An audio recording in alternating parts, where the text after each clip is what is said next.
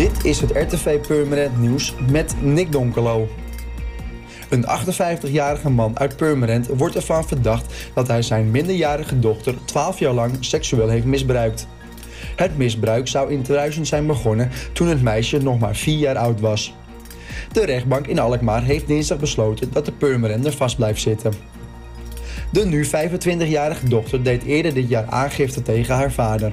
Zij heeft verklaard dat zij tussen 2000 en 2012 seksueel is misbruikt. Het politieonderzoek in de zaak is volledig afgerond. Het is de bedoeling dat de strafzaak tegen de Purmerender op 9 december inhoudelijk wordt behandeld. Op zondag 3 oktober is er rond half vijf een incident geweest tussen hondenuitlaters. Dit vond plaats op het voetpad tussen het speelveldje op het Naardenmeer en het Purmer Zuidlaantje in Purmerend. De politie is op zoek naar de identiteit van de man met een kaal hoofd en een groen bomberjack.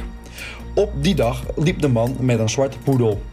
Bent u getuige geweest of heeft u andere informatie? Neem dan contact op met basisteam Recherche Permanent via 0900 8844. Purmerenders die wapens in hun bezit hebben, kunnen deze sinds afgelopen maandag zonder gevolgen en anoniem inleveren bij de politie. Purmerend neemt namelijk deel aan de actie Drop Your Knife and Do What Met Your Life. De actie loopt nog tot en met zondag 17 oktober.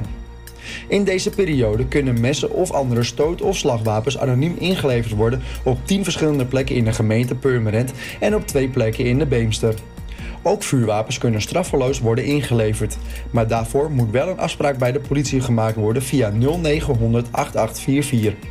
De politie komt dan in burgerkleding thuis langs om een vuurwapen op te halen. Inwoners die een vuurwapen willen inleveren moeten zich wel kunnen legitimeren. Voor meer nieuws, kijk of luister natuurlijk naar RTV Purmerend, volg je onze socials of ga je naar onze website, dat is www.rtvpurmerend.nl.